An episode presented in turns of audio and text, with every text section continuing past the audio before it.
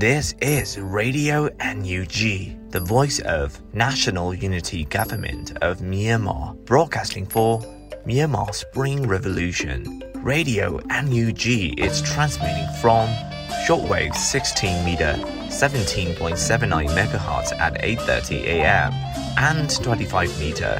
11.94 megahertz at 8:30 p.m. Myanmar Standard Time. မင်္ဂလာပါခင်ဗျာ အမျိုးသားညီညွတ်ရေးအစိုးရရဲ့အတန်လွင့်ဌာန Radio NUG ကိုမနက်ပိုင်း၈နာရီခွဲမှာလိုင်းတို16မီတာစက္ကန့်တက်သမ9 MHz ညပိုင်း၈နာရီခွဲမှာလိုင်းတို25မီတာ17တက်သမ6 MHz တို့မှာဓာတ်ရိုက်ဖမ်းယူနိုင်နိုင်ပါပြီမင်္ဂလာအပေါင်းနဲ့ပြည့်စုံကြပါစေအခုချိန်ကစပြီး Radio NUG အစီအစဉ်တွေကိုဓာတ်ရိုက်အတန်မြင့်ပေးနေပါပြီ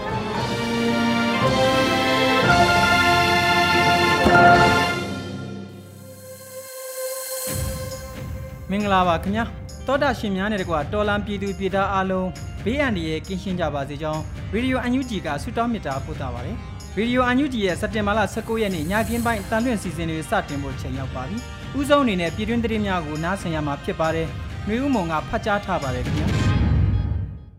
မင်္ဂလာညချမ်းပါရှင်2023ခုနှစ်စက်တင်ဘာလ19ရက်နေ့ Radio NUG ပြည်တွင်းသတင်းတွေကိုတင်ပြပေးသွားပါမယ်။ကျွန်မကတော့ຫນွေဦးမုံပါ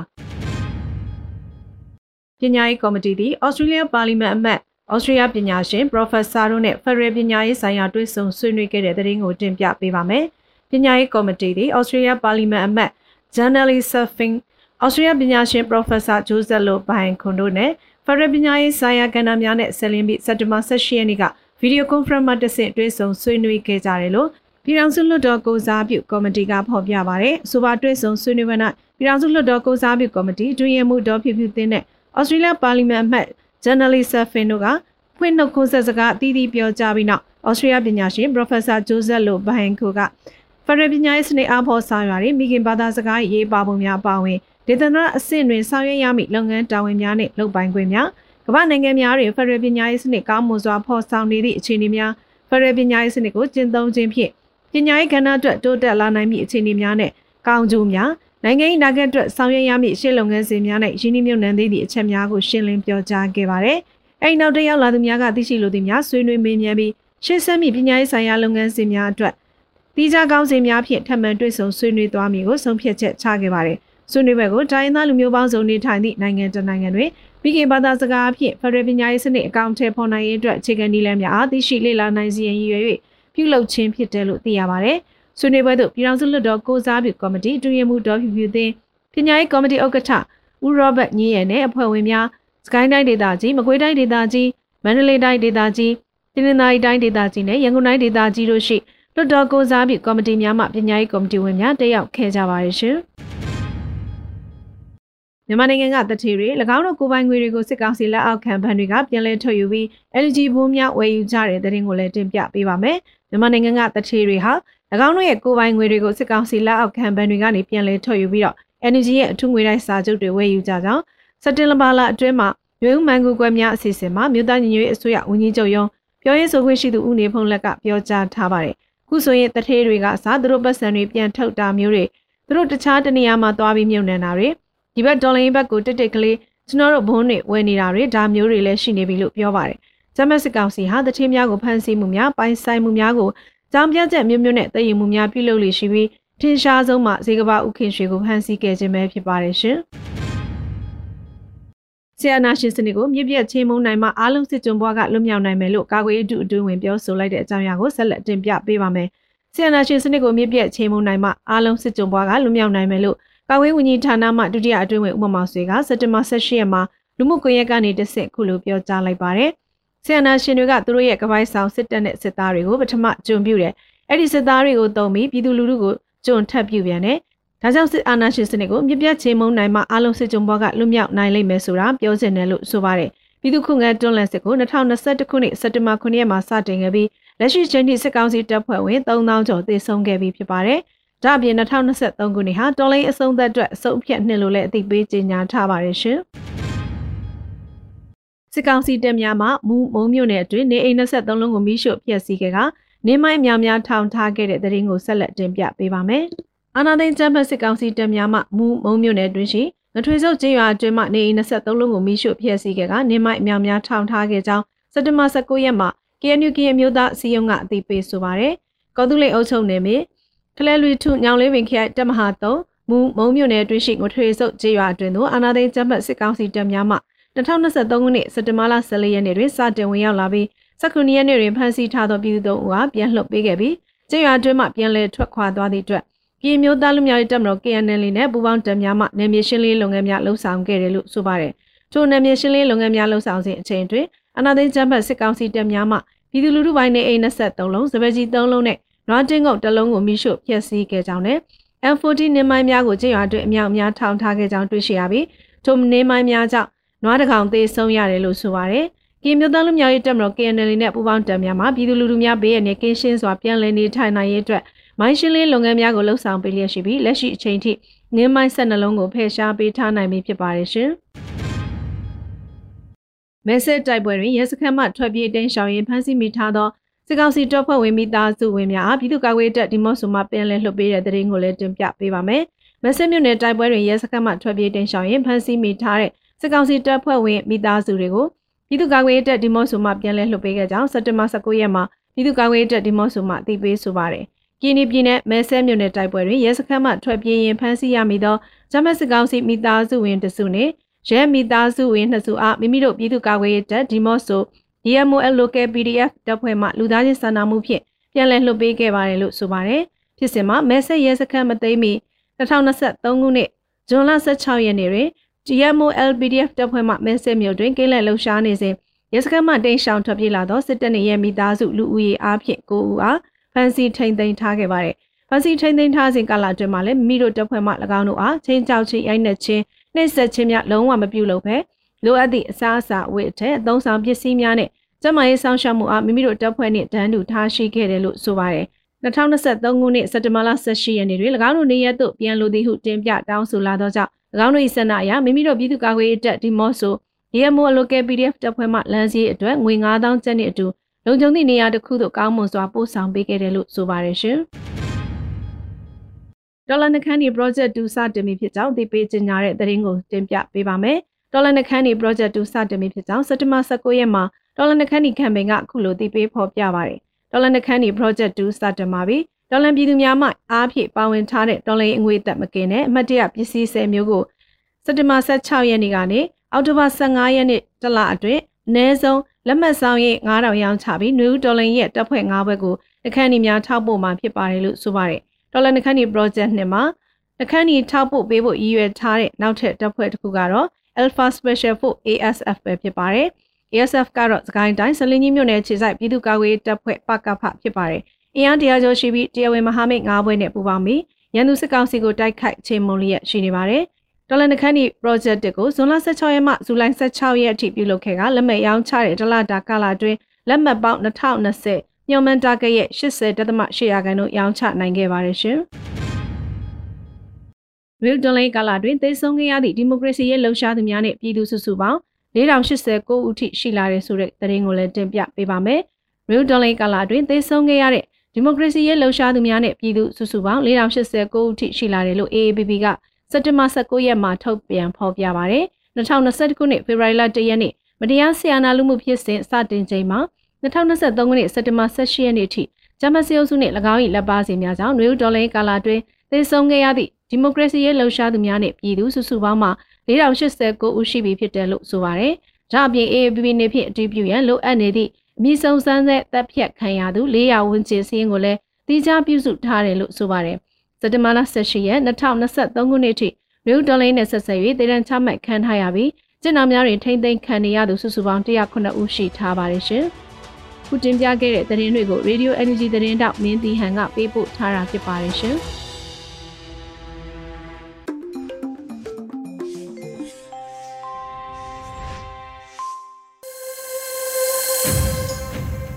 တင်ပြသွားတဲ့ပြည်တွင်းသတင်းများကိုနားဆင်ကြရတာဖြစ်ပါတယ်။အခုတခါတော်လိုင်းကဗျာအစီအစဉ်မှာတော့နှွေဦးတိန်လူရေးသားပြီးလွတ်လပ်နှွေဦးခန်းစားရုပ်ဖတ်ထားတဲ့စေကန်းလာပြသောဂီတဆိုတဲ့ကဗျာကိုနားဆင်ရမှာဖြစ်ပါတယ်ခင်ဗျ။စေကန်းလာပြသောဂီတဂီတာတလက်စေကန်းလာပြတယ်။ဘာဖြစ်လို့ပါလဲကျွန်တော်မေးတော့ကီးမဝင်တော့တဲ့အတန်နဲ့ခတ်အုပ်အုပ်ဖြေတယ်။ကျွန်တော်လေး ကျိုးရော့နှုံးချိအားမရှိဖြစ်နေလို့ပါဆရာရဲ့တဲ့ဖြစ်တာဘလောက်ကြာပြီလဲဆိုတော့ဂီတကိုယူသွတ်တဲ့သပင်ရှိရှိနဲ့လူငယ်လေးအဝေးကိုထွက်သွားပြီးကတည်းကပဲတဲ့တန်စင်တွေကိုနောက်ဆုံးမှတ်မိခဲ့တာဘယ်တုန်းကလဲဆိုတော့2021ခုနှစ်ဇန်နဝါရီလ31ရက်နေ့ည12နာရီကတဲ့။အော် ဖြစ်တာကြာပြီးနှစ်ချီနေပြီပေါ့ဆိုတော့ဟုတ်တယ်ဆရာလွတ်လပ်မှုတွေစိတ်သုံးသွားကြတဲ့ကပါပဲတဲ့။ခင်များဗျာတကိုယ်ရည်တန့်ရှင်းရအောင်မရှိနိုင်အောင်ဘာလို့ကိုကိုကိုညှင်းနေတာလဲဆိုတော့ကိုကိုကိုညှင်းတာမဟုတ်ရပါဘူးဆရာတော်လိုင်းရစ်အတွက်ရင်းသွားတဲ့လူငယ်ကလေးသတင်းကို ကြားလိုက်ရပြီးမှဒီလိုအစင်းဖြစ်သွားတာပါဗျာတဲ့ ပြောရင်သူ့ရင်ထဲထည့်ထားတဲ့ပတ်ထွန်ကလေးပြုတ်ကြကျွန်တော်လဲတင်းထားတဲ့ဝမ်းနဲ့စိတ်ကိုဖြီချဖုံအပြည့်နဲ့သူ့စပင်ကိုပုတ်တက်တန်ရှင်းပေးပြီးကျိုးညှိဖဲကျိုးနီတစကိုခတ်တင်းတင်းချီပေးပြီးအရေးကြီးပြီတချင်းကို အလင်းမရှိတဲ့ညမှာကျွန်တော်တို့အတူတူဆိုဖြစ်ခဲ့တယ်ဂီတာလေးအားပြန်ရှိပါစေပေါ့ နောက်ပြီးကြယ်လေးတွေဂီတာပြန်တီးကြမယ်နေ့ကို အမြန်ရောက်ပါစေပေါ့ဒေါက်တာຫນွေဦးတိန်လူ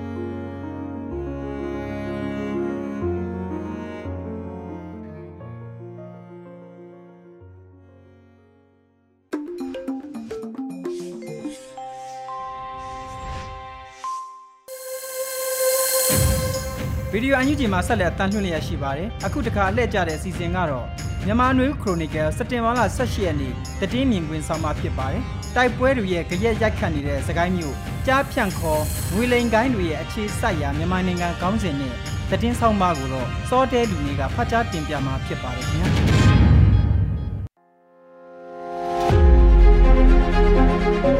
မင်္ဂလာပါခင်ဗျာ တိုက်ပွဲတွေရဲ့ကြရက်ရိုက်ခတ်နေတဲ့စကိုင်းမြို့ကြားဖြန့်ခေါ်ငွေလင်ကိုင်းတွေရဲ့အခြေစိုက်ရာမြန်မာနိုင်ငံအမည်ရတယ်မြန်မာຫນွေဦးခရိုနီကယ်စက်တင်ဘာ18မြင်ကွင်းမိုးမခဆောင်းပါးကိုစတင်ဖတ်ကြားပေးပါတော့မယ်2000ခုနှစ်တွေအလယ်လောက်ကစကိုင်းတိုင်းရဲ့အုပ်ချုပ်ရေးမြို့တော်အဖြစ်မုံရွာမြို့ကိုပြောင်းရွှေ့ခဲ့တဲ့နောက်တိုင်းမြို့တော်ဟောင်းဖြစ်တဲ့စကိုင်းမြို့ဟာမန္တလေးမြို့နဲ့10မိုင်ဆွန်းဆွန်းသာကွာဝေးတာဖြစ်ပါတယ်။ စကိုင်းတိုင်းထဲမှာဖြစ်ပွားနေတဲ့စစ်ကောင်စီတပ်တွေကိုလက်နက်ကင်ခုခံတိုက်ခိုက်မှုတွေကမြို့နယ်အများပြားကကြေးရွာတွေမှာဖြစ်ပွားနေကြတာနှစ်နှစ်ကျော်ရှိလာပြီးတဲ့နောက်အခုရက်ပိုင်းမှာစကိုင်းမြို့ပေါ်ကိုကြရက်ရိုက်ခတ်လာတဲ့အနေအထားထိမြို့နယ်နီးကပ်စွာဖြစ်ပွားလာနေတာဖြစ်ပါတယ်။စကိုင်းတိုင်းရဲ့လက်ရှိအုပ်ချုပ်ရေးမြို့တော်ဖြစ်တဲ့မုံရမြို့တဝိုက်မှာတော့မကြာခဏတိုက်ခိုက်မှုတွေဖြစ်ပွားလေရှိပြီးမြို့အစွန်မြို့တဲကရုံးတွေတိုက်ခိုက်ခံရတဲ့တဲ့င်းတွေမကြာမကြာတွေ့ရလေရှိပေမဲ့စကိုင်းမြို့ပေါ်မှာတော့တိုက်ခိုက်မှုတွေဖြစ်ပွားတာနှဲပါတာဖြစ်ပါတယ်။ စကိုင်းမြို့ကနေရွှေဘုံမုံရမြို့စီသွားတဲ့ကားလမ်းတစ်ပေကမြို့နယ်တွေကြေးရွာတွေတိုင်းလိုမှာပြည်သူ့ကာကွယ်ရေးတပ်ဖွဲ့တွေရဲ့လှုပ်ရှားမှုရှိနေပြီးမြင်းမှုချောင်းမြို့နယ်တွေမှာတိုက်ခိုက်မှုတွေကြေးရွာတွေကိုစစ်ကောင်စီတပ်တွေကဝင်ရောက်က PDF လို့တန်တရားရှိသူတွေကိုဖမ်းဆီးတပ်ဖြတ်တာနေအိမ်တွေကိုမိရှို့ဖျက်ဆီးတာတွေအမြဲတမ်းလိုလိုဖြစ်ပွားနေကြတာဖြစ်ပါတယ်။ အခုနှစ်ထဲမှာတော့စကိုင်းမြို့နယ်တွေကမြို့နယ်တိမ်မဝေးလာတဲ့ဘဒူကျေးရွာကိုရဲစခန်းတိုက်ခိုက်ခံရတဲ့အဖြစ်အပျက်တွေသတင်းထဲမှာတွေ့ခဲ့ကြရပြီးအခုရက်ပိုင်းမှာစကိုင်းမြို့နယ်တွေကတလွန်ပြူကျေးရွာမှာတော့စစ်ကောင်စီတပ်တွေစစ်ကြောင်းထိုးဝင်ရောက်တဲ့သတင်းတွေတွေ့နေရတာပဲဖြစ်ပါတယ်။ဒူရဲဦးတယောက်နဲ့ဇနီးဖြစ်သူတပ်ဖြတ်ခံရတဲ့ကိစ္စနဲ့ဆက်နွယ်ပြီးကြေးရွာကိုစစ်ကောင်စီတပ်တွေဝင်ရောက်တာတို့လည်းသတင်းဖော်ပြမှုတွေမှာဖော်ပြထားပြီးစစ်ကောင်စီတပ်တွေကကြေးရွာသား9ဦးတပ်ဖြတ်ခဲ့တယ်လို့သတင်းထဲမှာဖော်ပြထားကြပါတယ်။ ပြီးခဲ့တဲ့နှစ်ကတည်းကစကိုင်းမြို့ရဲ့အစွန်ကောင်းမှုတော်ဘုရားကြီးကျော်လွန်သွားရင်စစ်ကောင်စီတပ်တွေကောင်းကောင်းမထိန်ချုပ်ထားနိုင်တော့တဲ့သဘောမျိုးဖြစ်တယ်လို့ဒေသခံတွေရဲ့ပြောဆိုမှုအရသိရတာဖြစ်ပါတယ်။တို့ပေမဲ့အခုကာလလောက်တိုက်ခိုက်မှုတွေနဲ့လှုပ်ရှားမှုတွေနီးကပ်စွာဖြစ်ပွားတဲ့တရေမျိုးမကြားသိခဲ့ရပဲအခုရက်ပိုင်းမှာစကိုင်းမြို့ပေါ်အထိတိုက်ခိုက်မှုတွေဖြစ်လာမလားဆိုတော့စိုးရိမ်မှုတွေထွက်ပေါ်လာပြီးနောက်မြို့ပေါ်မှာအသွာအလာနှဲပါသွားတဲ့သဘောပဲဖြစ်ပါတယ်။ ဒီနေ့ပုံနောက်ထပ်သတင်းအကြောင်းအရာတစ်ခုကတော့တရုတ်ဘာသာစကားနဲ့ကြားဖြန့်လို့ခေါ်ဆိုတဲ့အွန်လိုင်းပေါ်ကနေငွေလိမ်တဲ့ရာဇဝတ်ဂိုင်းတွေမှာပါဝင်နေသူတွေကိုတရုတ်နိုင်ငံနဲ့မြန်မာစစ်ကောင်စီတို့ပူးပေါင်းနှိမ်နင်းနေတယ်လို့သတင်းတွေမှာပါရှိပြီးတရုတ်နိုင်ငံနဲ့နယ်နိမိတ်ထိစပ်နေတဲ့ဝကိုပိုင်အုပ်ချုပ်ရေးဒေသကိုကန့်ကိုပိုင်အုပ်ချုပ်ရေးဒေသတို့မှာလူထောင်ကနန်းနဲ့ချီဖမ်းဆီးကတပ်ဆိုင်ရာတရုတ်နိုင်ငံကိုပြန်လည်လွှဲအပ်တဲ့အကြောင်းအရာပဲဖြစ်ပါတယ်။ ပြီးခဲ့တဲ့နှစ်တွေကလေးကသတင်းစိုးနဲ့နာမည်ကြီးနေခဲ့တဲ့ထိုင်းမြန်မာနယ်စပ်ဖြစ်တဲ့မြောက်ရီမြို့နယ်ကရွှေကုတ်ကိုတဝိုက်ကလက်နက်ကင်ဖွဲ့တွေကကွယ်ပေးထားတဲ့နေရာတွေထက်အခုရက်ပိုင်းဖန်စီပီလွှဲပြောင်းပေးတဲ့သတင်းတွေလည်းမပါရှိသေးပါဘူး။ KNU, PGF, DKBA စတဲ့လက်နက်ကိုင်အဖွဲ့တွေဘယ်အဖွဲ့တွေကဘယ်လောက်ထိပါဝင်ပတ်သက်နေတယ်ဆိုတာကိုတော့ရှင်းရှင်းလင်းလင်းမသိရှိကြပါမယ်။ရေပုံရအားဖြင့်စစ်ကောင်စီနဲ့လက်တွဲတိုက်ခိုက်နေတဲ့ PGF အဖွဲ့ကအဓိကကျတဲ့အခန်းကဏ္ဍမှာရှိနေတဲ့သဘောလို့ကောက်ချက်ချရပါတယ်။ ဒီလိုလက်နက်ကိုင်ရေးရိယာတွေမှာအခြေစိုက်ကြရာကနိုင်ငံရေးစန့်ကျင်သူတွေကိုနှိမ်နင်းတာကလည်းရင်ကျန်တဲ့တရားဥပဒေစိုးမိုးရေးကိုထိထိရောက်ရောက်မလုပ်နိုင်တော့တဲ့စစ်ကောင်စီရဲ့လက်အောက်ကရန်ကုန်မြို့လိုနေရာမှာတော့ရုံငန်းငှားပြီးလောက်ကင်လာကြတာသတင်းဖော်ပြမှုတွေရသိရှိရပါတယ်။ရန်ကုန်မြို့လေပန်းဆိုတန်းလမ်းမကြီးပေါ်ရှိရုံငန်းနေတဲ့အတူလူနေအိမ်တွေစုပေါင်းထားတဲ့ကွန်ဒိုလိုနေရာမျိုးတွေမှာအွန်လိုင်းငွေလိမ်ခိုင်းတွေအခြေချအနေထိုင်ကြတာဖြစ်ပါတယ်။ အခုလိုတရုတ်နိုင်ငံနဲ့နယ်နိမိတ်ထိစပ်နေတဲ့တိုင်းသားလက်နက်ကိုင်ဒေသကအဖွဲ့တွေကိုတရုတ်အစိုးရကဖိအားပေးခဲ့သလိုမြန်မာစစ်ကောင်စီကိုလည်းဒီလိုအွန်လိုင်းလိမ်လည်တဲ့လုပ်ငန်းတွေဒုစရိုက်တွေကိုနှိမ်နင်းဖို့လူသိရှင်ကြားတိုက်တွန်းခဲ့တာပဲဖြစ်ပါတယ်။ဒီလိုတိုက်တွန်းမှုတွေရှိလာခဲ့ပြီးလာနေငယ်အတွင်းအခုလိုလူထောင်ချီတဲ့ online လိမ်လည်မှုတွေမှာပါဝင်လုတ်ကင်သူတွေကိုဖမ်းဆီးတာမျိုးတွေဖြစ်ပေါ်လာခဲ့တာဖြစ်ပါတယ်။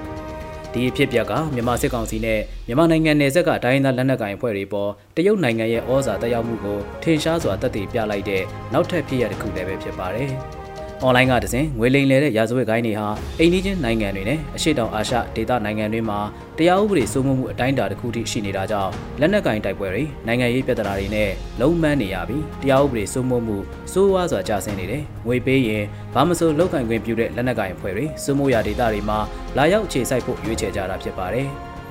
လွယ်လွယ်ပြောရရင်ကတောင်းကနင်းဖြစ်နေတဲ့အတိုင်းပြည်လက်နက်ကင်အဖွဲ့ကိုငွေပေးပြီးရာဇဝတ်မှုလုပ်ငန်းတွေလုပ်ခွင့်ရှိတဲ့နေရာဒေသမျိုးကိုအွန်လိုင်းငွေလိမ်တဲ့ခိုင်းတွေကရွေးချယ်ထားတာဖြစ်ပြီးမြန်မာနိုင်ငံအနေနဲ့နိုင်ငံတကာမှာနာမည်ဆိုးနဲ့လူသိများဖို့နောက်ထပ်အကြောင်းအရာတစ်ခုတစ်ပွဲဖြစ်လာနေတာပဲဖြစ်ပါတော့တယ်ခင်ဗျာ။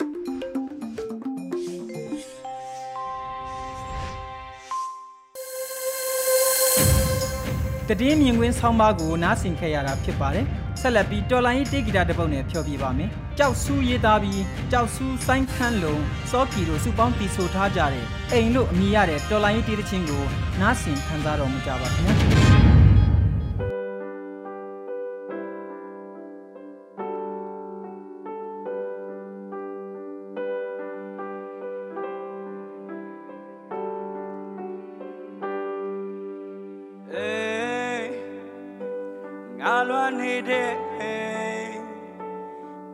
န်မရောက်နိုင်သေးတဲ့အိမ်အိမ်မျိုးတိတ်လွှမ်းနေမိသားစုနဲ့ချီနူခဲ့ရသောအိမ်ပျော်ရွှင်ခဲ့ရသောအိမ်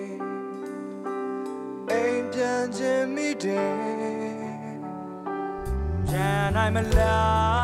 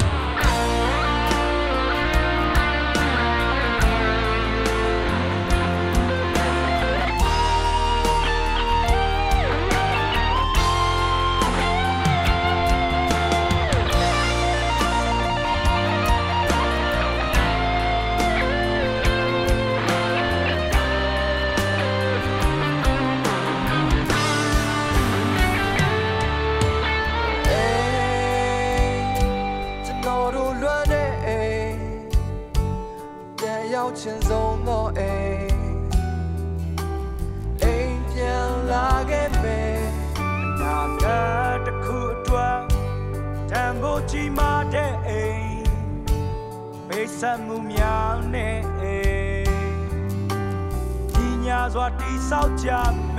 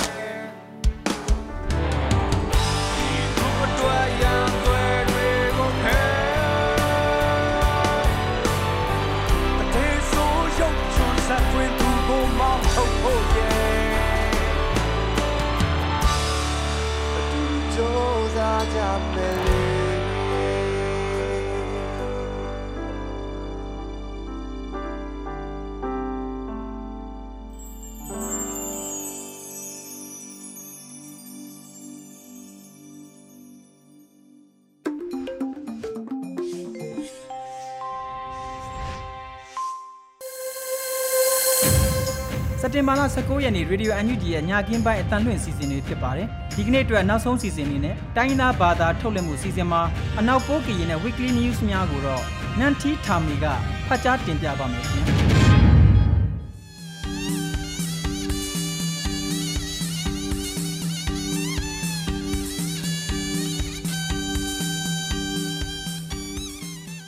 ဗျာ။မိမမကိုအဒေလာစေပစဝိစဘွားဘာနတိလဲစေစာစီစချောင်းဝဲပဒုအန်ယူဂျီလန်ခွေလူပလုံရှိုစတီလန်ဒိုလန်ဖနလောမွန်နိုင်ယောအိုင်ဒိုဒိုပလောက်ချာမနတိမကနုယာထပ်ပဘတ်စထရလန်ထဆက်ပရလဖနလောပါလကဒပလောက်ထဆက်ပရလဖနဘမဝိဒယာနန်ထိထမင်းနလောဆက်ပရခတ်တဲ့ကရွေးနမဝိဒနွေဦးစဒုဆရာထိုင်ဆက်ရမွဲ့ပါလာပါကူဝမခုလန်ထိုင်ဆက်ရအချာလဘိုရအထလဝန်ခု ထိခအခုကလက်ဖာအောက်ကီထောင်းနိုင်ဆက်လက်ဖာရဲ့ကိတ်ထံဝိဒါနောကဲကဆောက်ခဒုဒေါက်တာဆဆာနောပါစဝဒမိုင်ဒါလဲလဲစစ်တင်ပကစင်လူတလမွဲ CDF ကမ်ပက်လက်ဝီတိုရီယာသူရဲ့ကောင်စူပါအတိလောက်ခံပေပေါ်လောက်လောင်ဝိဒါနောလောပူရကပလန်ရစဒုဆရာတဲ့ဆက်ရနောမွေဝိဒါလဲကိုက်ထံဘူအတလအဘွားစခိတ်လက်စပလန်အတူမွေပဒဘာတီတီဆဆအကြောင်း ပွေဒီလက်ဖာရစီပနုလမခုလန်ထိုက်ဆက်လစဒုဆရာတဲ့ဆက်ရလက်ဆတ်ထအခန့်ထိတ်ခန့်ခေါ်တာအောင်နော်ပူရထိခန့်ကလက်ဖာစီအောက်ကိတ်ထောင်းနိုင်ဆက်လက်ဖာအဝိဒါယနော်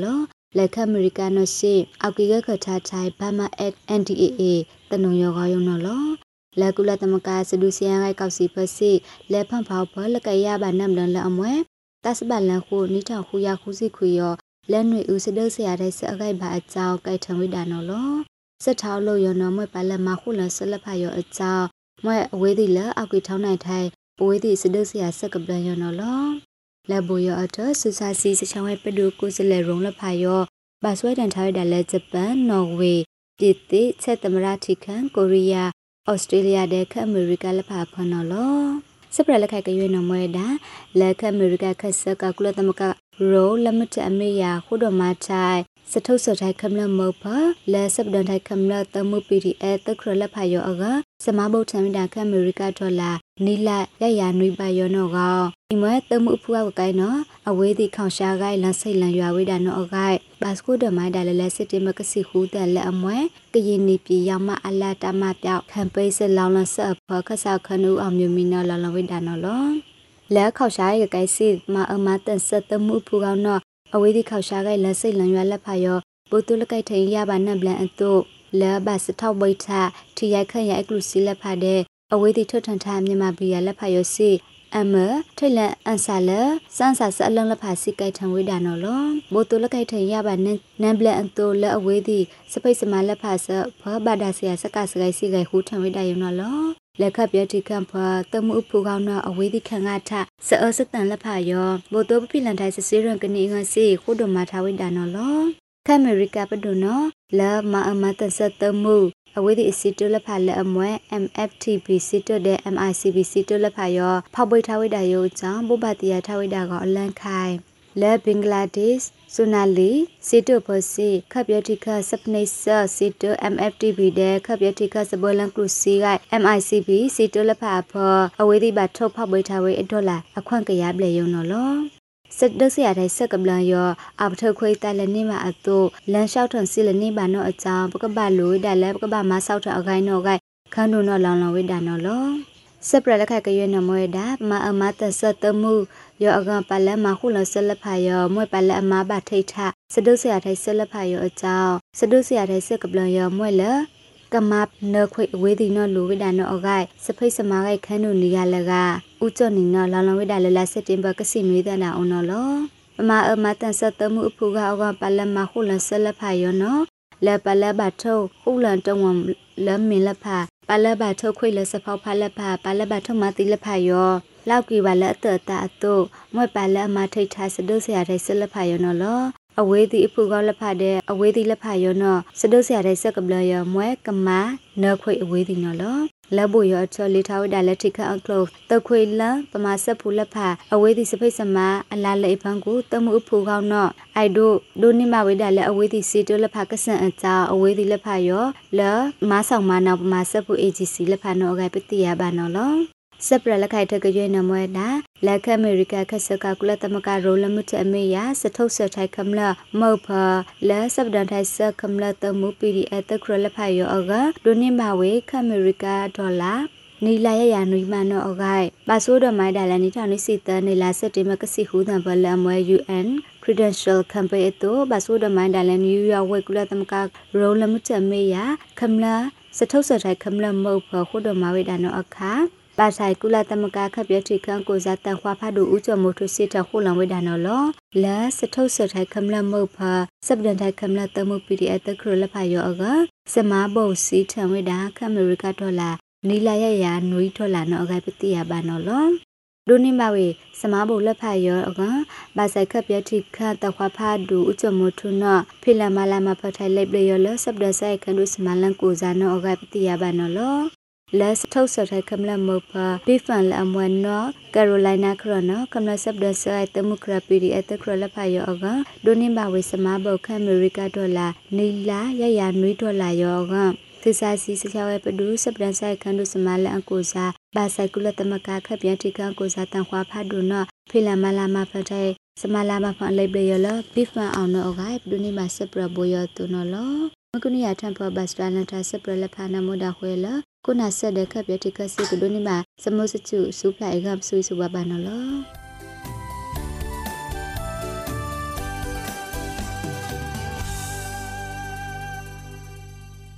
ဒီညနေပဲ Radio NUG ရဲ့အစည်းအဝေးကိုခਿੱတရနာလိုက်ပါမယ် မြန်မာစံတော်ချိန်မနက်၈နာရီခွဲနဲ့ည၈နာရီခွဲအချိန်တွေမှာပြန်လည်ဆုံးဖြတ်ကြပါစို့ Radio NUG ကိုမနက်ပိုင်း၈နာရီခွဲမှာလိုင်းဒို16မီတာစက္ကန့်တသမ9 MHz ညပိုင်း၈နာရီခွဲမှာလိုင်းဒို25မီတာ17သက်သမ6 MHz တို့မှာဓာတ်ရိုက်ဖမ်းယူနားဆင်နိုင်ပါပြီမြန်မာနိုင်ငံသူနိုင်ငံသားများကိုယ်စိတ်နှပြကျန်းမာချမ်းသာလို့ဘေးကင်းလုံခြုံကြပါစေလို့ Radio NUG အဖွဲ့သူအဖွဲ့သားများကဆုတောင်းလိုက်ရပါတယ်။အမျိုးသားညီညွတ်ရေးအစိုးရရဲ့စက်သွေးရေးတရင်အချက်အလက်နဲ့ဤပညာဝန်ကြီးဌာနကထုတ်လွှင့်နေတဲ့ Radio NUG ဖြစ်ပါတယ်။ San Francisco Bay Area အခြေစိုက်မြန်မာမိသားစုများနဲ့နိုင်ငံတကာကစေတနာရှင်များလှုပ်အားပေးများရဲ့ Radio NUG ဖြစ်ပါတယ်